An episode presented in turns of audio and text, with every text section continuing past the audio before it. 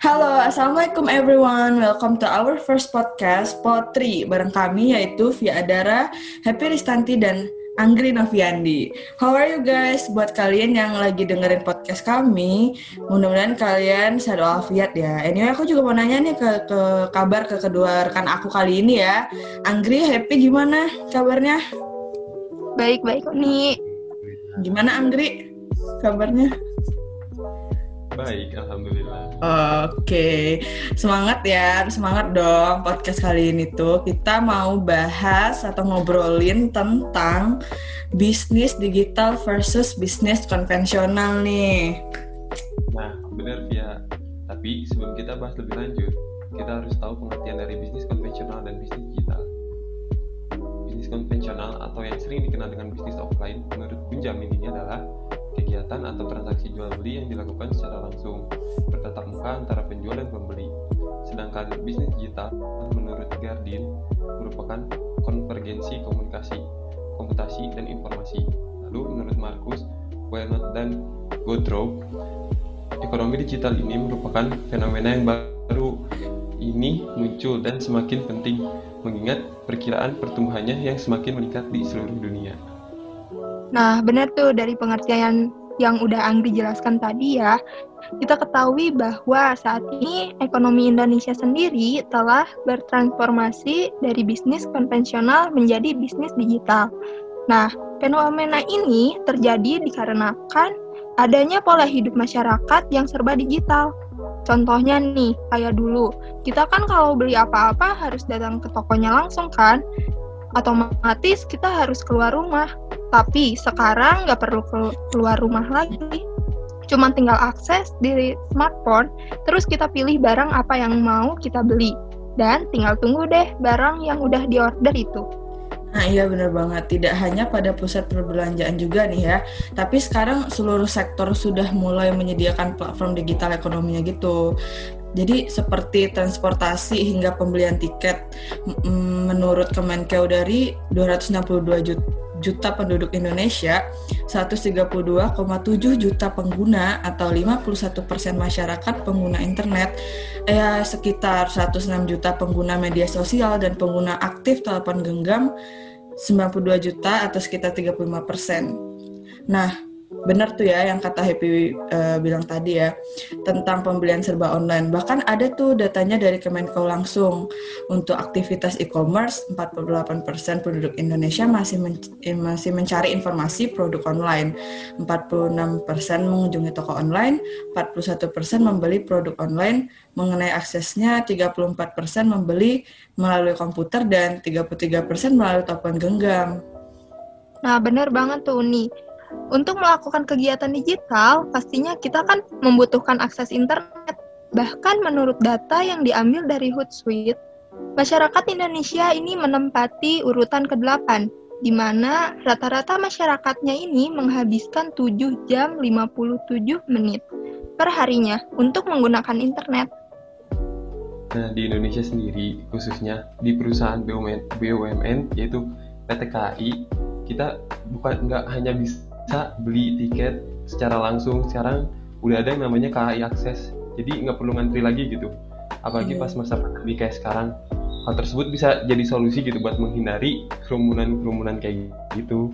Ya, yeah, absolutely correct ya benar banget.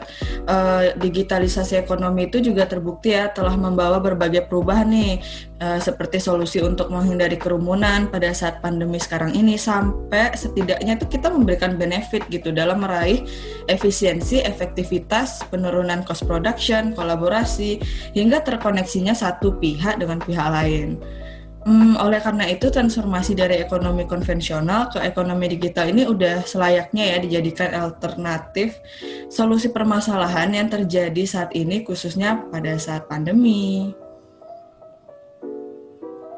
Nah, bahkan menurut BI yang dilansir oleh Kumparan menyatakan bahwa pandemi disebabkan oleh digital melesat meski tingkat konsumsi lemah. Menurut Deputi Gubernur Senior BI, Desti Damayanti melaporkan di masa pandemi ini aktivitas ekonomi keuangan digital naik lebih dari 20%. Di antaranya yaitu transaksi e-commerce, penggunaan uang elektronik, dan transaksi digital banking. Jadi sebenarnya penggunaan uang elektronik dan transaksi digital banking juga bisa jadi solusi untuk menekan angka penyebaran COVID-19. Yo, that's right, Di. Nah, sebenarnya beberapa negara ini mewajibkan transaksi menggunakan uang digital karena bisa dibilang uang kertas atau koin itu barang yang sering kita dibawa bawa ke mana-mana. Nah, hal tersebut kan bisa menjadi sarangnya penyebaran virus. Maka dari itu, ini tuh bisa juga dibilang sebagai peluang bisnis para inovator, khususnya perusahaan startup e-money, menawarkan cashback besar-besaran.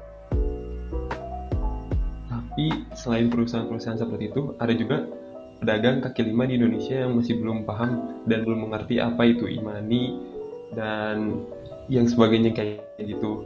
Karena kepemilikan smartphone dan edukasi tentang teknologi yang masih kurang di Indonesia. Hal itu bisa jadi penyebab omset para pedagang kaki lima ini menurun. Oh iya ya, benar juga ya. Sebenarnya di masa pandemi ini selain pedagang kaki lima ya, beberapa bisnis konvensional lain yang omsetnya menurun bahkan bangkrut gitu. Contohnya aja kayak les-lesan gitu ya. Karena pasti uh, les konvensional mau nggak mau ya harus tutup ya. Bahkan para pelajar sekarang lebih memilih menggunakan e-learning kayak Zenius, ruang guru, karena selain murah kan juga bisa diakses kapan pun dan di mana pun gitu. Tapi mau nggak mau ya untuk menekan angka penyebaran solusinya ya harus melakukan serba semuanya serba digital gitu. Nah, benar banget tuh nih. Di masa pandemi sekarang ini, ekonomi digital itu memang menjadi fenomena baru yang semakin memiliki peran strategis dalam perkembangan ekonomi global. Nah, bahkan beberapa tahun lalu, tepatnya tahun 2016, argumentasi ini terbukti bila kita dicermati pada laporan Huawei dan Oxford Economics yang berjudul Digital Spillover. Ekonomi digital ini uh, telah mencapai 11,5 triliun dolar atau berkisar 15,5 persen dari DJP dunia. Nah, besarnya kontribusi ekonomi digital terhadap size ekonomi digital dapat dicermati dari perdagangan online yang telah mengubah landscape ekonomi dunia sebagai wajah baru ekonomi global di tahun 2016 saja sampai 11,5 triliun apalagi sekarang yang udah serba digital bahkan di Indonesia sendiri kontribusi ekonomi digital ke PDB Indonesia sampai 619 triliun rupiah.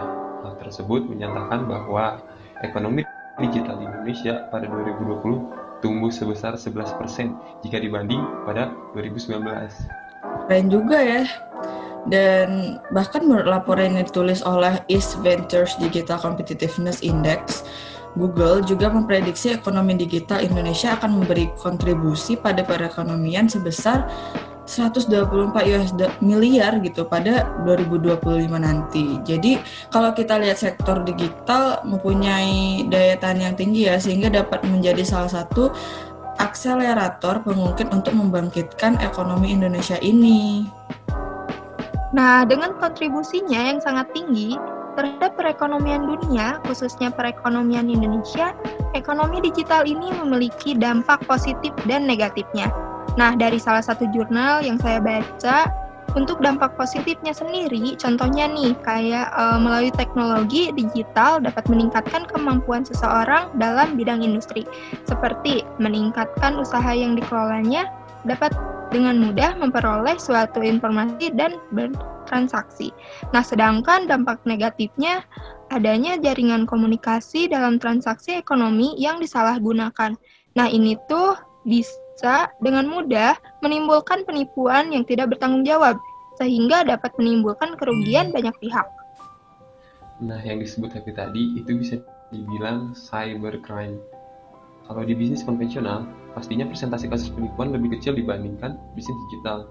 Jadi, ekonomi digital itu sangat mungkin banyak ketidakpercayaan masyarakat dibandingkan dengan konven ekonomi konvensional karena di ekonomi konvensional itu pembeli dan penjual itu bertemu secara langsung. Oleh karena itu, dampak negatif tersebut sebagian masyarakat masih belum percaya terhadap ekonomi digital ini. Hmm. Oke, sebenarnya hal tersebut bisa dibilang faktor penghambat ya dalam perkembangan ekonomi digital. Ya, bener banget tuh, nih.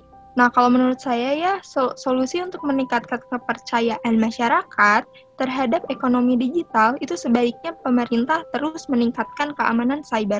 Nah, kebetulan nih Badan Cyber Sandi Negara atau BSSN menyikapi fenomena tersebut. Nah, untuk menciptakan lingkungan cyber strategis dan penyelenggaraan sistem elektronik yang aman, andal, dan terpercaya, memajukan dan menumbuhkan ekonomi digital dengan meningkatkan daya saing dan inovasi cyber. Nah, serta membangun kesadaran dan kepekaan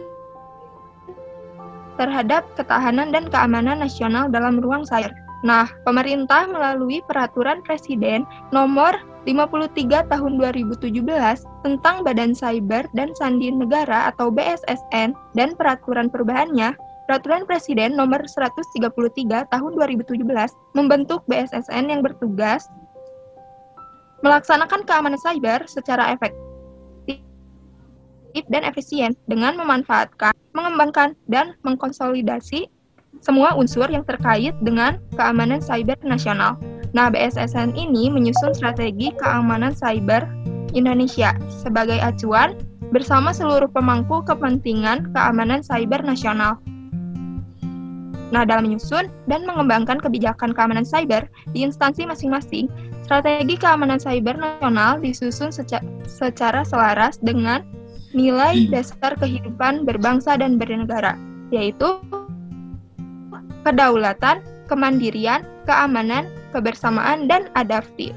Aduh, jelas banget ya. Kayak berarti pemerintahan itu juga sebenarnya terus-menerus meyakinkan masyarakat bahwa ekonomi digital ini tuh selain memudahkan juga keamanannya pun terjamin gitu loh.